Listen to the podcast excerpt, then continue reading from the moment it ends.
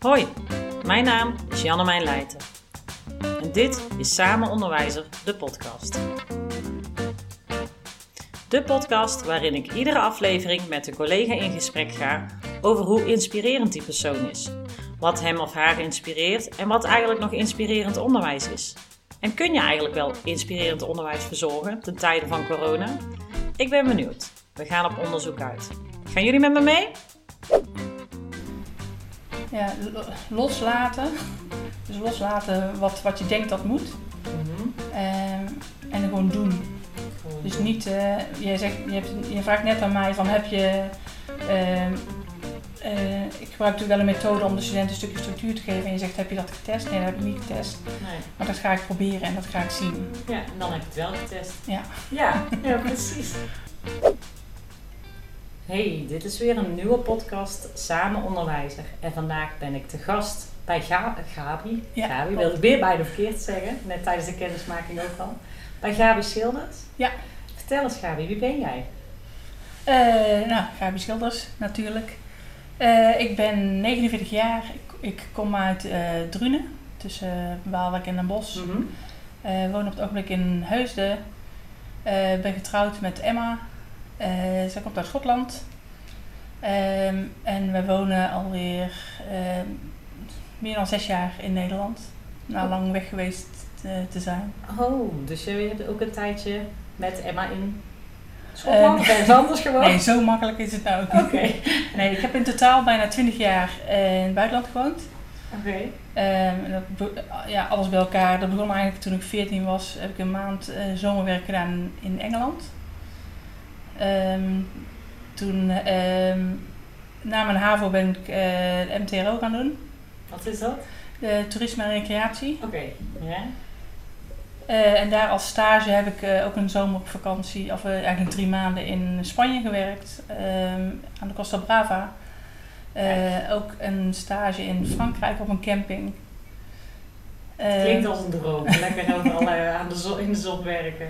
Nou ja, ja, je moet overal werken, je moet ook vroeg op en je ja. ding doen, maar op zich wel ja, hele leuke ervaringen. Um, toen na mijn studie ben ik uh, naar Spanje gegaan. Heb ik in een hotel gewerkt, 4,5 jaar. Uh, en toen kreeg ik eigenlijk de mogelijkheid om naar Indonesië te gaan voor, met een project voor een jaar. Tof. Um, toen was ik 28, toen dacht ik, ja, als ik dat nu niet doe, dan doe ik dat dadelijk niet meer. Uh, dus toen ben ik gegaan. En dat was in 99. Um, toen heb ik daar vijf, ja, ik ben daar eigenlijk met dat... lang ja. ja, de vorige eeuw zelf. Ja, precies. Um, dus na dat project ben ik er eigenlijk blijven hangen. Uh, een internationaal certificaat gehaald om Engels te geven. Ja. Ja, en daar eigenlijk 15 jaar blijven hangen. Lekker hoor. Ja. Uh, ik woon in Surabaya, natuurlijk een grote stad. Ja, maar op zich, ja, maar zoveel mogelijk uh, ondergedompeld in de lokale cultuur en tradities, de taal geleerd. Wat, welke taal spreken ze daar? Uh, Indonesisch. Is het echt gewoon een taal aan zich? Ja, uh, net als het lijkt op Maleis. Ja? Ma Maleis, denk ik. Maleisisch. Maleisisch, ja. ik weet het niet. uh, het is een, een soort verbastering daarvan, een, een taalverwant. Oké. Okay. Um, ja, en toen zes jaar geleden um, werd mijn vader ziek. Mijn moeder is tien jaar geleden, elf jaar geleden alweer overleden. Mm. Uh, ik heb twee broers, die wonen ook in het buitenland. Dus oh, ja. uh, wij zijn teruggegaan om voor hem te zorgen. Oh, wat bijzonder. Um, dus ja, zo zijn we eigenlijk in Nederland beland. Alle drie weer terug, je broers ook? Nee, alleen Emma en ik zijn teruggekomen oh, om voor hem te zorgen. Ja. ja. Um, dus ja, ik denk dat de grootste cultuurschok was toen ik terugkwam in Nederland. Nou, ik wilde net zeggen, je, je spreekt nog goed Nederlands voor iemand die hier zo lang de weg is geweest. Ja, ja in het begin was dat, vond ik dat best wel een uitdaging. Um, want twintig jaar bijna geen Nederlands spreken. Ja. En natuurlijk, natuurlijk, als je bij de bakker komt en je bestelt een brood, is dat geen probleem. Maar een beetje een diep gesprek voeren mm. vond ik best wel lastig. Uh, dat je dan naar woorden aan het zoeken bent die je gewoon al heel lang niet meer gebruikt hebt. Ja. ja. Of een grap maken vind ik altijd zo moeilijk in een andere taal. Dat je, je hebt dan net niet genoeg feeling met de taal om, om die punchline goed te laten vallen, zeg maar. Uh, ja, dat ook vooral. Ja. Dus net de finesse inderdaad waar je het over hebt. Uh, ja, dat was wel een ding uh, in het begin. Mag ik stellen dat jij een talenknobbel hebt? Eh, ja. Ja, als ik het zo hoor. Hey, en nu ben jij werkzaam bij, eh, als docent Engels. Ja. Is dat jouw volledige baan? Doe je daar nog iets Hoe, Eh, op het hoe ziet jouw werkweek eruit, zeg maar? Eh, nou, ik ben hier begonnen eh, begin, school, begin dit schooljaar als stagiaire Engels. Ik heb natuurlijk, een- wat ik net vertelde, een internationaal certificaat. Mhm. Maar in Nederland heb je gewoon je, moet je gewoon gekwalificeerd zijn. Dat is hier niet rechtsgeldig? Niet Eh, nee, voldoende bevoegdheid? nee, ik heb daar wel een aantal vrijstellingen meegekregen in mijn studie. Ja. Ehm, nee, dus in, in het begin dacht ik van jeetje, ik ben al, ik ben al best wel, nou ik zal niet op leeftijd, maar ja, begin ik daar nog aan, want het is Ja. wel drie jaar studeren. Ja. Ehm, deeltijd wel, maar en op een gegeven moment denk ik van ja, ik, kan, ik, vind Eng, ik, ik ben sowieso een beetje een taalfreak. Ik vind het heel leuk om te spelen Mm. met taal. Ehm, plus ik heb natuurlijk in het buitenland gewoond en geen Nederlands pensioen opgebouwd. Oh ja, ook handig. Ja, Lang leven, de CAO-onderwijs. Ja. Dus eh, eigenlijk ook het feit dat ik weet dat ik, eh, als ik dadelijk een kwalificatie heb, dat ik ook weg kan. Dus want ik kan eigenlijk met, met je, je bachelor hier kun je ook gewoon overal ter wereld les gaan geven. Oké. Eh, dus misschien ergens als 80-jarige, omdat ik door moet werken ergens op een eiland of ik weet niet waar. Maar de mogelijkheid, ik wil niet zeggen dat we het doen, maar gewoon de mogelijkheid dat het kan, vind ik wel een hele fijne gedachte. Ja. Ja. Hey, nou zeg je, ik heb een internationale opleiding. Die is niet rechtsgeldig. Of althans, dan ben je niet voldoende bevoegd om in Nederland docent Engels te mogen zijn. ja, dat is ook meer een, een certificaat om op taalscholen over de hele wereld te werken. Ah, oké, want andersom mag het wel. Je mag wel met een bachelor docent Engels internationaal gaan werken. Eh, ja, het, is, eh, het verschil ligt er meer aan dat je eh, met de kwalificatie die ik had, kan ik dus op taalscholen werken. Mhm. En met de kwalificatie die ik dadelijk hopelijk heb, Ja. kan ik, eh, kan ik gewoon op, op allerlei scholen gaan werken. ja, dus Eh, niet per se een taalschool, maar veel breder dan dat. Dus gewoon inderdaad in het in onderwijs. het onderwijs, ja, in het onderwijssysteem in het buitenland. Ja. Ah, oké. En hoe ver ben je met je studie? Eh, ik wilde eigenlijk voor de zomer afstuderen, maar mijn We stage. zitten op dit moment op 6 juli. Nee, ik heb het even gestopt eh, twee maanden geleden. Eh, omdat ik in maart eh, de baan van mijn werkplekbegeleider overgenomen heb. Die, ging, die is eh, op het ogenblik wethouder eh, in de gemeente Goorlen. Oké. Ehm, die mogelijkheid kwam bij haar op en daar is ze ingedoken. En ook het feit dat ik hier natuurlijk al bekend was. Ja. Ik gaf al heel veel lessen. Ja, want een werkplekbegeleider is eigenlijk, ja, zoals het ook wel zeggen, je stagebegeleider. Hè? Dus degene die jou hier vanuit de praktijk aan het opleiden was. ja, ik liep met haar mee. Ik, Ja. ook- ja, ik gaf veel lessen. En natuurlijk komt daar wel een heleboel bij. Eh, want we deden dat dus samen en nu moet ik er overal alleen aan denken Mhm. vooral. Ehm, dus omdat het best wel druk is en ik wil dat ook gewoon goed doen, eh, heb ik de, mijn afstuderen even over de vakantie getild. Nou, prima toch. Het is fijn dat dat kan, hè? Ja, Dat hier ruimte wordt geboden. Hey, ehm, jij bent genomineerd door een collega. Nou, je had Ja. zelf al een beetje in de gaten, wellicht door wie. Eh, in dit geval eh, eh, de collega die voor jou, eh, de aflevering voor jou waarschijnlijk, zoals die nu gemonteerd gaat worden, Judith. Ehm, en zij gaf bij mij aan, ja, je moet Gabi eens een keer spreken, want Gabi is docent Engels. Ehm, maar zij heeft de gave om niet te werken vanuit bestaande methodes, maar helemaal haar eigen plan te trekken. En zij praat gewoon over vakinhoud met studenten, maar dan in het Engels. Dat was haar, ja, ja. haar visie, zeg maar. Waarom zij het zo inspirerend vindt om met jou te werken, om jou als collega te hebben. Ben ik altijd benieuwd, vind jij jezelf inspirerend? Ehm, ik zou het meer koppig noemen, misschien. Ehm, ja, dat is een moeilijke vraag natuurlijk, want het ligt, aan, het ligt eraan hoe anderen je zien. Ik vind het natuurlijk wel Mhm. heel fijn om te horen dat Judith me zo ziet. Ja. Ehm, ik denk wel dat ik eh, absoluut niet bang ben om een eigen plan te trekken en echt gewoon te kijken wat eh, nodig is. Mhm.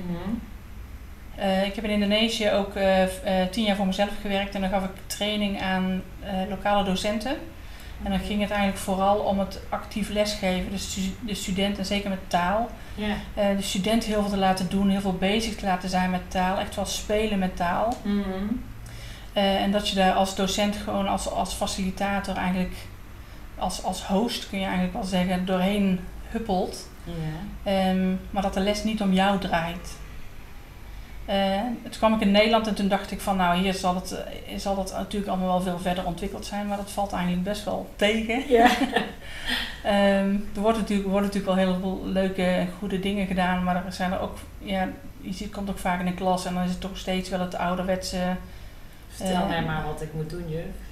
Ja, dat. En ook uh, de docent die uh, voor de klas toch controle wil houden mm. over alles wat er gebeurt. Um, en ik denk dat vooral een stukje loslaten, wat natuurlijk best wel beangstigend is, en zeker nu met het hele online verhaal, het loslaten. Mm. Ja, je ziet helemaal niet wat er aan de andere kant gebeurt. Ja, precies. Um, ik denk dat dat toch wel de kern is van, uh, van het op een andere manier doen. En heb je het dan over de didactiek of meer over klassenmanagement? Uh, ik denk alle twee. Natuurlijk uh, willen allemaal dat studenten eigenaarschap zijn van hun eigen leerproces. Mm-hmm. uh, dat is natuurlijk heel makkelijk om te zeggen van ja, jij bent daar verantwoordelijk voor. Maar dan, je moet daar ook een stukje begeleiding en ik denk dan wel inspiratie in geven. Um, dat studenten daar ook mee aan de gang gaan. En dat maakt niet uit omdat ze. Het is niet zo dat je daar vandaag over hebt en dat ze dat morgen moeten doen of moeten kunnen. Uh, zeker gezien de leeftijd hier. Mm. In het MBO zijn we natuurlijk.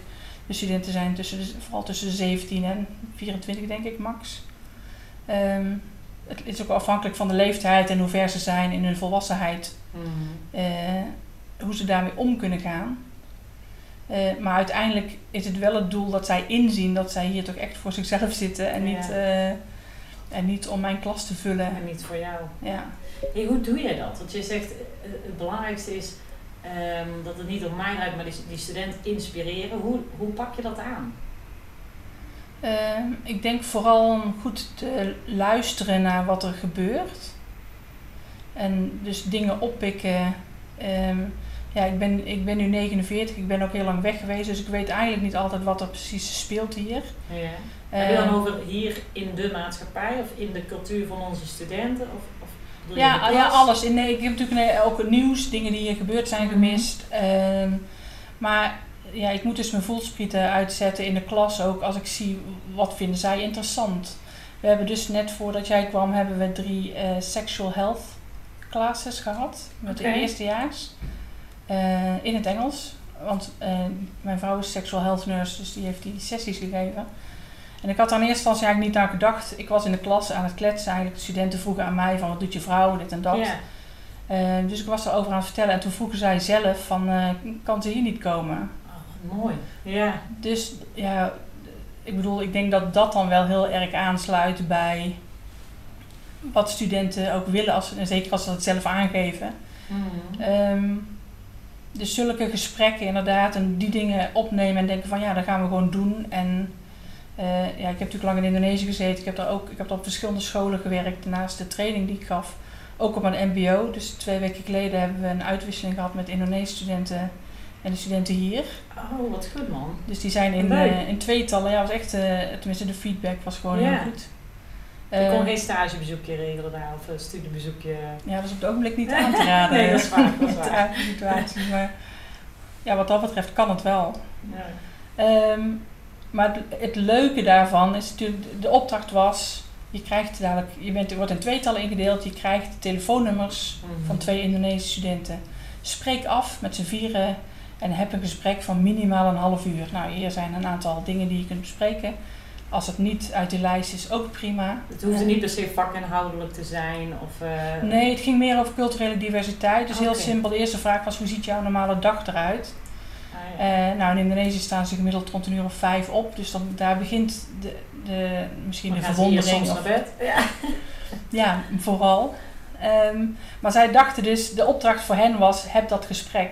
Hmm. Maar het leuke was eigenlijk alles eromheen wat er gebeurde. Dus ik kwam de klas in. Ja, uh, vannacht om drie uur werd ik geappt. Weet je wel, dat ze dan even niet die klik maken met het tijdverschil bijvoorbeeld. Ja, en ik had dat wel gezegd. Maar als ze dat zo zelf ervaren, en dat is dan maar een heel klein ding, ehm, dan heeft dat veel meer uh, impact, denk ik, dan dat ik ze vertel. Er is een, er is een tijdsverschil van vijf uur tegen de studenten. Ja, ja. Maar als ja. op een gegeven moment denk van, oh ja, het is daar inderdaad acht uur. Oké, dus als ik Weet je wel, als ik s'avonds laat heb, dan liggen zij waarschijnlijk ook te slapen. Ja. Dus uh, ja, dat hele proces. En ik zeg al, dat zijn allemaal heel, een heleboel simpele kleine dingen. Ehm, maar zo ervaren ze het wel. Dus dan boor jij door, uh, ik wil je zeggen, impact maken. Dus je boort eigenlijk doordat zij het zelf ervaren ook een stukje ja, intrinsieke motivatie aan. Uh, ja, onbewust, onbewuste bekwaamheid. Uh. Ja, een ander voorbeeld was um, studenten die belden mij op een gegeven moment en zeggen, ja, we hebben net gesproken, maar ja, ze zitten de hele tijd te lachen en dan zetten ze de microfoon uit. En uh, ja, ze vonden het allemaal maar vervelend eigenlijk. Mm. en eigenlijk, het, ja, een van, ik, ik, zei, probeer het alsjeblieft nog één keer. Ik zeg maar, ga er even vanuit dat het geen slechte wil is. Niet dat zij dat niet willen of dat ze geen zin hebben of wat dan ook. Misschien zitten ze in een plek waar uh, de wifi slecht is. Misschien zitten ze in een café omdat ze thuis geen, eh, internet, geen goede internetverbinding hebben. Dus dan hoor je van allerlei dingen eromheen. Dus dat wel aangeven, maar de, de ervaring ligt bij hen.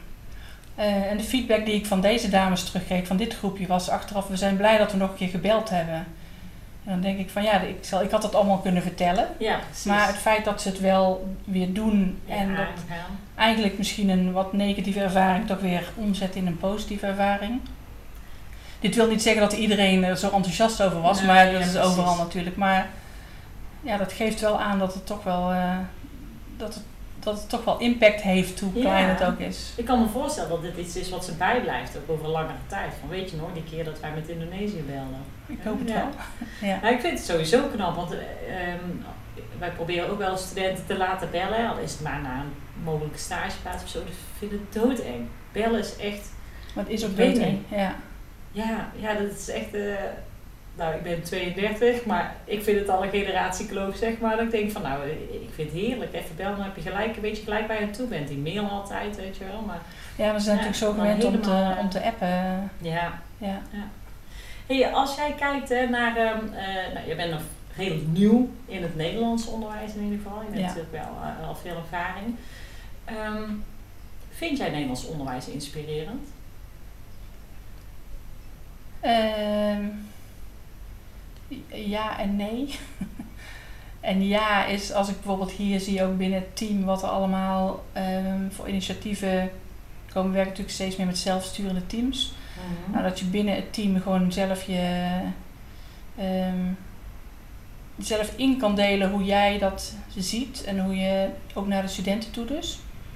Um, dus ik wil voor, voor volgend jaar bijvoorbeeld uh, Engels anders opzetten. Voor mij is Engels, uh, jij zei net dat Judith dat ook gezegd had, voor mij is Engels is geen doel op zich. Engels is een transportmiddel om te communiceren. Uh, en daar moet, en zeker in het MBO, daar moet ook gewoon de nadruk op liggen. Uh, voor mij praktisch maken, wil je dan? Ja. is uitvoerbaar. Ja, als jij je master doet, natuurlijk moet je dan een artikel gaan schrijven, wetenschappelijk artikel, weet ik het wat, met alle regels erbij. Maar hier moeten zij moeten gewoon dingen kunnen doen. Hmm. Uh, inderdaad, ze moeten met elkaar, met een vreemde kunnen spreken, wat we dus nu hebben gedaan. Ze moeten uh, misschien hun LinkedIn-profile willen ze in het Engels. Um, ja, allerlei, allerlei dingen waar ze iets mee kunnen. Mm. En natuurlijk op de middelbare school zijn ze al die hele grammatica-molen doorheen. Zijn ze al die hele mm. grammatica-molen heen, door die hele grammatica-molen heen gegaan. Um, dus om dat hier nogmaals te herhalen, daar zie ik het nut niet zo van in. En heel simpel. Um, even praktisch gezien, als ik naar, de, naar mijn studenten kijk en als ik ze drie jaar geen Engels zou geven, ja. nou, ik denk dat 60, 70 procent toch, toch wel slaagt. Want ze zijn natuurlijk, ze gamen, ze kijken Netflix. Nou, als, en als je daarnaar kijkt, dat ze inderdaad van Netflix, van gamen heel veel leren en allerlei andere manieren um, van contact met Engels. Mhm. Ja, wie ben ik dan om, om ze hier uit te leggen dat je could met not en weet je wel, de hele grammatica. Het, grammatica heeft is ook weer een, een, een middel om dingen uit te leggen, maar het is geen doel op zich. Nee. Ja, als je daar een beetje wat zwakker in bent, kun je nog steeds prima verstaanbaar maken. Ja, dat ook. En bijvoorbeeld als stel ze moeten een of andere presentatie geven over, over zichzelf, bijvoorbeeld bij Sport en Bewegen. Ja, dan moet ik inderdaad uitleggen. Dan kan ik uitleggen dat als het uh, gewoon feiten zijn over jezelf, dingen die je gewoon normaal doet, dat je dan deze tijd gebruikt. En als je het hebt over iets wat al helemaal afgelopen is, die tijd, en dan heeft het ook nut, want dan kunnen ze dat ook weer toe, toe gaan passen. Ja. Maar een hele serie uh, Grammatica, ja, ik heb er zelf ook een hekel aan. Het is ook niet hoe ik zelf mijn taal heb geleerd. Vooral doen. Vooral doen. In, in, in, ehm, ja, in Indonesië bijvoorbeeld, ik ging uh, in het begin veel met de taxi. Dat kost natuurlijk daar niks. Um, maar dan ging ik voorin zitten naast de taxichauffeur en dan ga je praten. Mm. Dus achterin zitten. Ja. Uh, ik speelde met de kinderen in de straat. Um, ja, want als ik, als ik aan hen tien keer vraag van wat, uh, wat is dit, bijvoorbeeld, die worden, ja, die worden niet beu om mij dat te vertellen. Ja, ik vind het alleen maar leuk. Dus het gaat er meer om dat je je openstelt, dat je inderdaad focust op de communicatie. Ik heb een tijdje tijdens mijn afstuderen in Istanbul ja. gewoond. Nou, en um, uh, een van de dingen die me daar gelijk opviel inderdaad, is dat ze, wij liepen onder andere stage op een, op een primary school, op de kleuterschool. En dan kregen ze al Engels. En op dat moment was het 2011 of zo, toen was het in Nederland, kreeg je zo vanaf groep 7 of zo op basisschool, dat is een beetje Engels. Nu merk ik bij mijn eigen kinderen, dat zit er ook al op de kleuterschool in. Maar heel spelende wijs, gewoon liedjes leren en kleuren en... Uh, maar onze leeftijdsgenoten, dus wij, waren, wij, wij zaten zeg maar op een um, complex, op een compound van een uh, uh, universiteit, uh, die spraken niemand Engels. Dus wij konden gewoon niet met leeftijdsgenoten bijna niet communiceren. Die spraken echt alleen, ja, alles afgeleerd. Dus wij vroegen ons af, hoe kan dat nou? Totdat je naar de radio of de televisie aanzet, alles, alles is Turks nagesynchroniseerd. Ja. Of wordt op de radio niet gedraaid. Dus uh, uiteindelijk vonden er mensen dat we in ieder geval met handen en voeten elkaar begrepen. En wij, wij volgden zelf daar ook dan wel weer de basisbeginselen van de Turkse taal en Turkse les. En daar kwamen ook echt achter doordat zij het nooit meer oefenden. Ze, ze kregen het al veel eerder dan wij Nederlanders. Maar wij worden er in de maatschappij, wat je zegt, hè, continu mee om de oren geslagen. Alles, uh, ja, je hoort zit superveel ja. in de Nederlandse taal natuurlijk ook al. Maar ook op advertenties, op posters, op de radio, televisie, op internet. En daardoor ja, hou je het bij of zo. Hè? Dus al die baas die erin zit, die blijft al een beetje up-to-date. Ja, nou, dat was helemaal weg inderdaad. Maar er zijn veel landen zo, dat, uh, dat alles nagesynchroniseerd wordt. En meestal, uh, toen ik in Spanje woonde, ik geloof dat er uh, vijf stemacteurs, actrices Ah. waren. Dus je had bij, wijze van voor Sylvester Stallone had je dezelfde stem als voor Robert De Niro. Ja, ja. Um, maar daar wordt inderdaad, ja, wij hebben natuurlijk zoveel contact met, met vooral Engels, buiten de leenwoorden die overal erin zitten. Ja. Online verhaal, het uh, social media noemen we het ook. Ja, uh, podcast, ja. computer heb ik je voor mijn neus. Weet je wel, ja, dat allemaal. Uh... Ja, dus we hebben gewoon veel meer contact. Maar ik denk nog steeds dat ze. Um, had toevallig vorige week ook met de studenten een discussie over dat vooral het spreken. Kijk, je hebt natuurlijk je hebt Google Translate, je hebt, uh, um, je hebt allerlei hulpmiddelen om Mm. dingen te vertalen en te weten wat er speelt in een andere taal. Maar dat spreken moet je echt nog steeds zelf doen. Ja, En de enige manier waarop je dat leert is echt door het te doen. te doen. Te doen ja. Um, en als ik dan, als een student bijvoorbeeld iets zegt en die gebruikt de verkeerde tijd, en ik ga die student corrigeren, ja, dan, dan kan het zijn dat de student de volgende ronde zijn mond houdt. Ja. Um, dus ik moest, ik heb een tijd geleden een enquête, voor mijn studie moet ik natuurlijk enquêtes uh, door studenten in laten vullen. En er kwam eigenlijk uit dat ik geen hoge verwachtingen had. En in eerste instantie schrok ik daar best wel van. Ja. En ik denk, ik vind dat het niet klopt. Maar waarom denken zij dan dat het wel zo is? Mm-hmm. Um, en ik denk, ik denk dat ik daar duidelijker in moet zijn naar de studenten toe. Bijvoorbeeld, zij krijgen een spreekopdracht en ze krijgen vijf onderwerpen die ze moeten bespreken. Um, en ze krijgen daar 10 minuten de tijd voor. Dan zijn er natuurlijk studenten die daar gewoon mee aan de gang gaan en na, na 10 minuten zeggen: uh, We zijn pas bij uh, onderwerp 3. Uh, en ik vind dat dus veel beter dan een groepje dat zegt van na vijf minuten van we hebben al die vijf onderwerpen. Dus ik zeg tegen die, die studenten die pas bij onderwerp 3 zijn, ik zeg je hoeft het niet af te maken.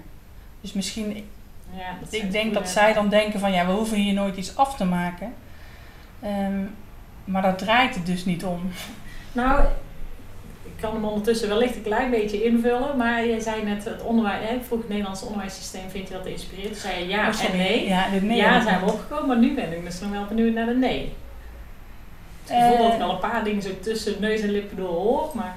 Nou, de nee is toch dat het een, een hele grote overheidsinstantie is. Hmm. En dat het, natuurlijk moet dit gereguleerd worden.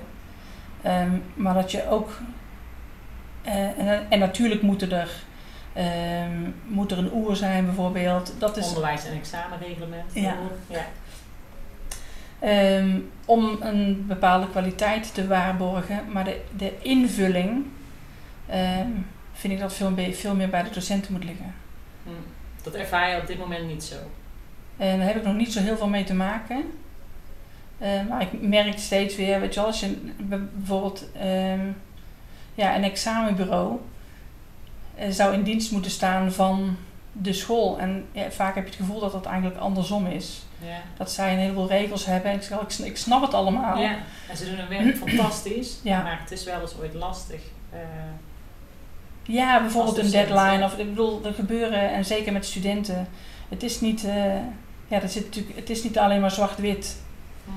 Uh, er gebeuren dingen uh, en ik denk dat je ja, in Indonesië moet je heel flexibel zijn, want geen één dag loopt zoals je plant. Ja. Um, en hier loopt het soms te strak. Dus ik denk eigenlijk een beetje in het midden dat wel heel fijn zou zijn. Dat fijn zou zijn. Ja. En dan hoor ik jou ook nog zeggen dat je volgend jaar het anders wil gaan doen. Dus je hebt nu eigenlijk meegelopen in het huidige nou ja, curriculum Engels. Ja. Dus het huidige lessenpakket. Uh, wat wordt het grootste verschil?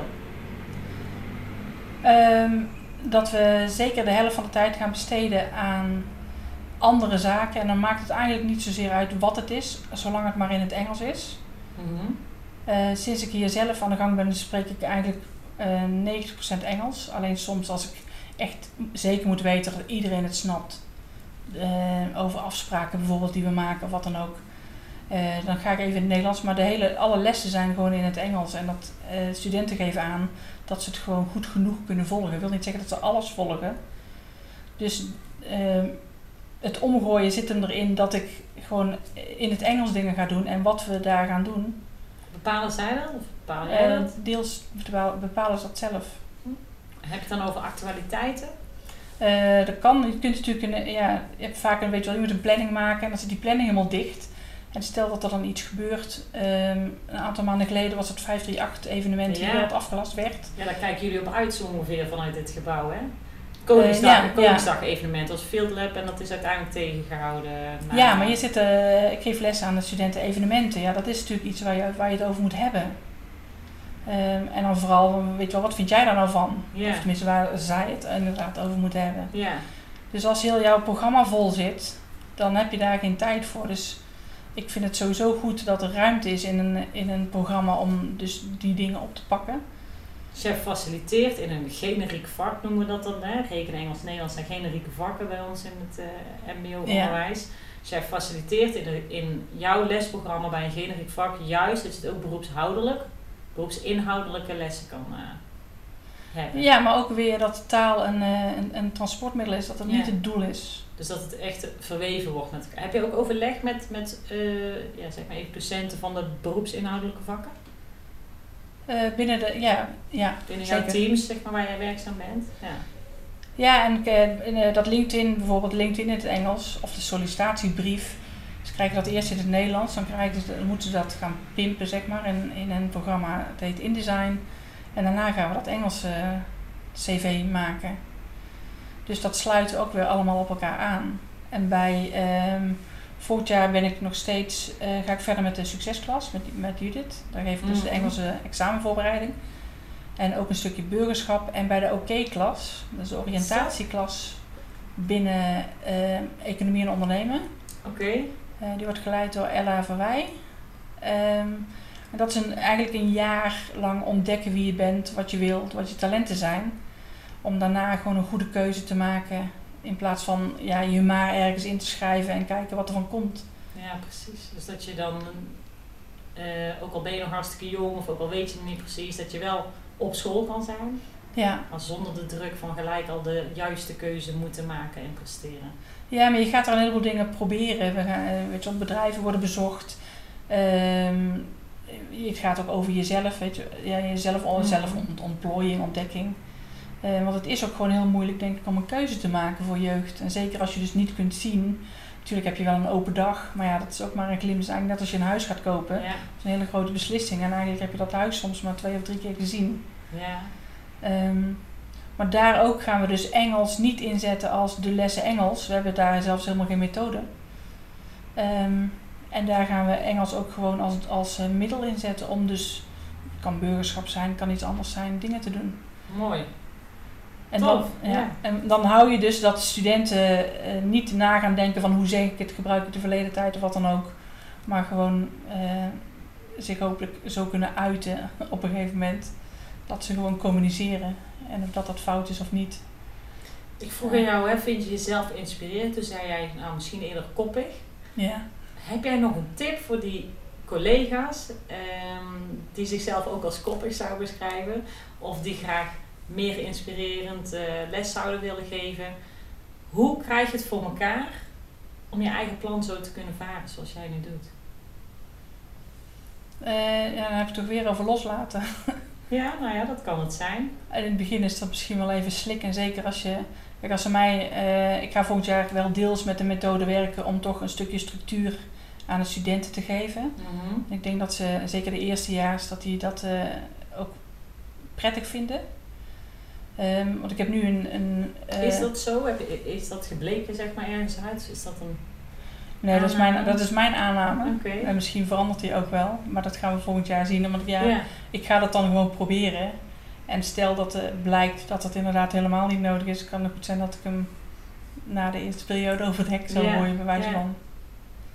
Ehm, Maar het feit dat je dit al zegt, hè, dat, eh, eh, ja, dat vind ik al tof om te horen. Dat jij nog zo jong eigenlijk in dit specifieke vak, hè, dus als docent Engels in het MBO in Nederland, al de vrijheid voelt en het lef hebt om daar zo je eigen koers in te bepalen.